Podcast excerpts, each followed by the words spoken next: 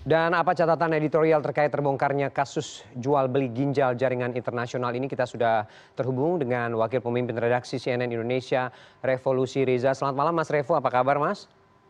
Selamat malam Fer, kabar baik alhamdulillah. Ya, terima kasih Mas Revo sudah bergabung. Uh, gini, kita dihebohkan ya Mas. Sudah satu bulan terakhir soal kasus jual beli ginjal ini, yang di mana awalnya kasus ini dimulai dari dugaan perdagangan orang sampai kemudian diketahui jika bukan soal TPPO saja, tapi juga perdagangan organ ginjal. Nah, uh, banyak yang mengatakan bahwa kejahatan seperti ini adalah modus lama tapi baru kelihatan saja bahkan uh, pengungkapan kasus ini pun dinilai terlambat. Nah, apa catatan Anda soal ini, Mas Revo?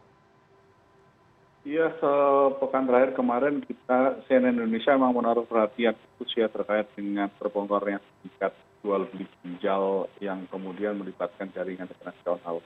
Hmm. dari hasil hasil liputan kita ketika kita juga melakukan interview dengan tersangka salah satu tersangka dari dua belas tersangka yang diamankan oleh kepolisian republik indonesia kita mengetahui bahwa pangkal persoalannya lagi lagi adalah persoalan ekonomi hmm. jadi eh, tersangka H yang diamankan oleh eh, Bareskrim eh, Polri mengaku bahwa awalnya dia merasa ter tekan secara ekonomi dan kemudian berniat untuk menjual eh, ginjalnya sehingga hmm. dia kemudian setelah satu tahun ya seperti berita yang tadi kita lihat eh, ya. dia akhirnya eh, mendapatkan resipien terbang ke Kamboja dan kemudian dia mendonorkan ginjalnya dengan dengan upah sekian ratus juta rupiah. Hmm. Dari situlah kemudian dia diminta oleh jaringan internasional untuk mencari pendonor-pendonor lain yang sekiranya bersedia untuk menjual ginjalnya. Dan kita tahu kemudian Eh, ada banyak orang yang kemudian eh, dalam satu bulan bisa sampai tujuh sampai sepuluh orang diterbangkan ke Kamboja, warga negara Indonesia terbangkan ke Kamboja untuk eh, menjual ginjalnya. Tentu ini adalah satu hal yang sangat memprihatinkan karena orang masyarakat di Indonesia karena lagi-lagi karena belitan ekonomi, terdesak kebutuhan ekonomi, kemudian berani menjual organ tubuhnya. Yang mana kalau dalam hukum di indonesia hal itu tentu tidak diperbolehkan. Mhm. nah kita tentu lihat ada di kamboja yang merupakan salah satu uh, negara anggota asean gitu ya jaringan kelompok regional kelompok uh, uh, southeast asia kita ini uh, ternyata juga memiliki hukum yang berbeda. Mhm. Di Kamboja ternyata uh, transplantasi ginjal dan penjualan ginjal itu diperbolehkan gitu ya. Uh, tentu ini juga menjadi catatan khusus gitu bagaimana kemudian indonesia sebagai leader asean saat ini tentu seharusnya juga bisa eh, menegosiasikan setidaknya eh, bagaimana terkait dengan hukum yang berbeda antar negara. kalau memang di indonesia ini tidak diperkenankan maka seharusnya juga indonesia bisa menegosiasikan atau berdiplomasi dengan kamboja agar setiap ada pendonor ginjal di Eh, yang dioperasi di negaranya apalagi rumah sakit yang melakukan operasi transplantasi ginjal ini adalah operasi militer which is itu juga merupakan uh, rumah sakit pemerintah gitu ya Fer. Mhm. Sehingga seharusnya kalau misalkan ada kesepahaman khusus antara Indonesia dengan Kamboja, maka setiap kali ada pendonor ginjal asal Indonesia bisa diselidiki, bisa ditelusuri apakah ini eh, melanggar hukum di negara indonesia atau tidak gitu terpenting juga bagi pemerintah indonesia adalah bagaimana pr kemiskinan ini bisa segera dientaskan sehingga orang itu tidak mengambil jalur, jalur singkat untuk mhm. menyelesaikan persoalan ekonominya dengan menjual uh, organ tubuhnya.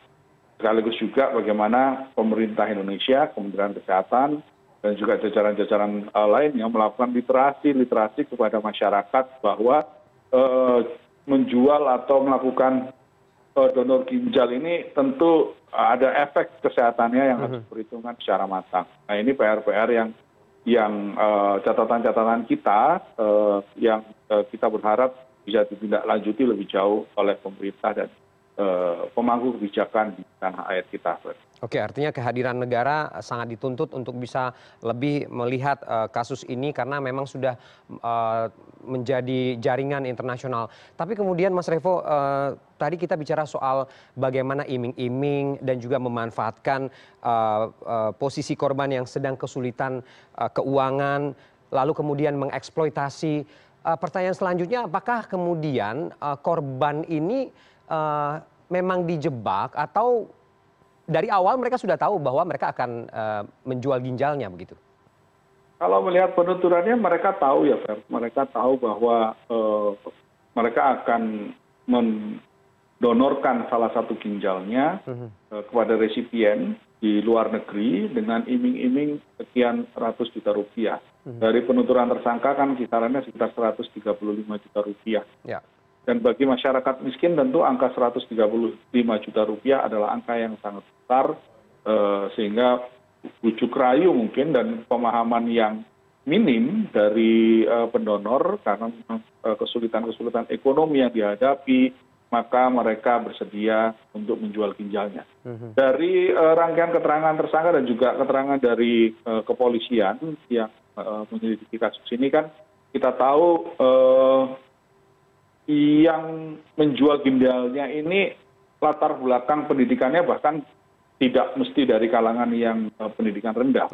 Ada beberapa yang lulusan sarjana bahkan S2 gitu ya. Yang kita dengar seperti itu dari penuturan pendidikan. Sehingga memang lagi-lagi kalau kita terbisik tentu kalau misalkan pendidikannya sudah sarjana gitu ya.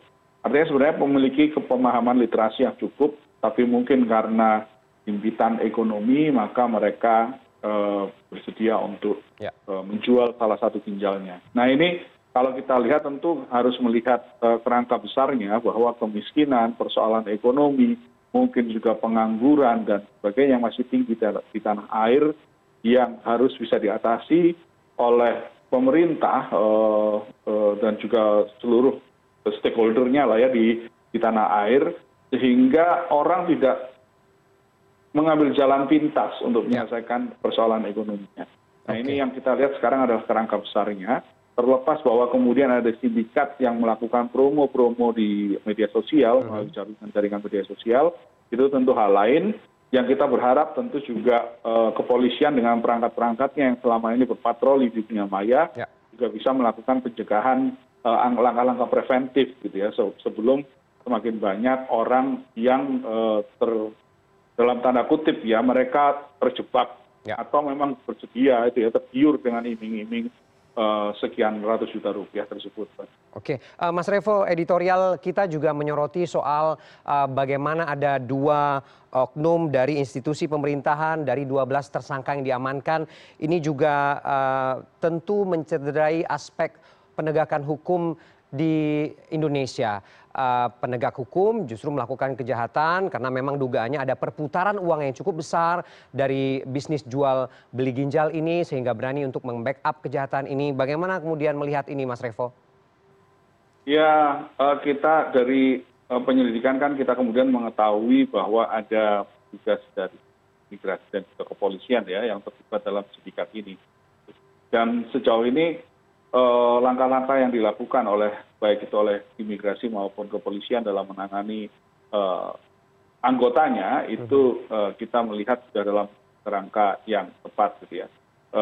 Tapi tentu saja lagi-lagi ya Ferdi mereka juga kalau dalam bahasa yang biasa dipakai kan oknum gitu ya. Nah oknum ini kan pasti juga mereka tergiur masalah uang gitu ya.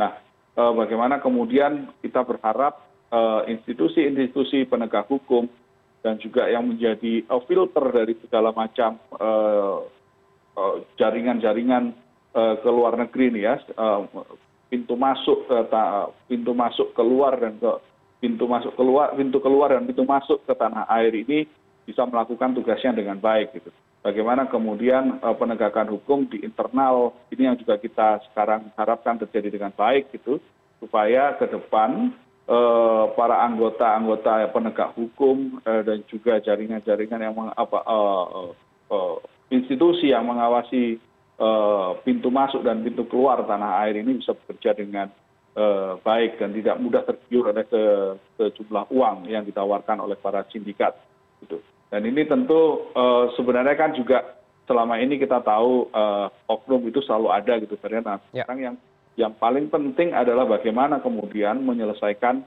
ketika ada di internal penegak hukum itu melakukan kesalahan. Maka supaya ada efek jerah kepada yang lain supaya tidak ini yang sekarang kita tunggu supaya bagaimana penegakan hukum terhadap internal mereka ini juga berlangsung dengan baik. Tapi sejauh ini kepolisian juga sudah berjanji akan menindak anggotanya yang terlibat dalam sindikat begitu pula dengan institusi imigrasi ya Pak. Oke, baik. Artinya kemudian kita menuntut kehadiran pemerintah dan juga negara bagaimana kemudian bisa melindungi warga negaranya sampai sejauh ini proses penegakan hukum masih terus berlangsung tentu koordinasi antar negara kita juga tunggu bagaimana pelaku yang beraksi di kamboja itu sendiri juga seharusnya saat ini juga harus diamankan begitu ya. Sehingga kemudian ada koordinasi koordinasi yang dilakukan dan kita perlu dorong bagaimana kemudian penegakan hukum ini bisa tetap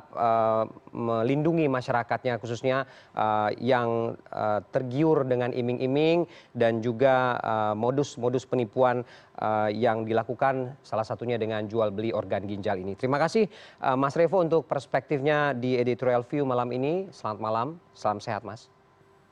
Selamat malam, terima kasih banyak.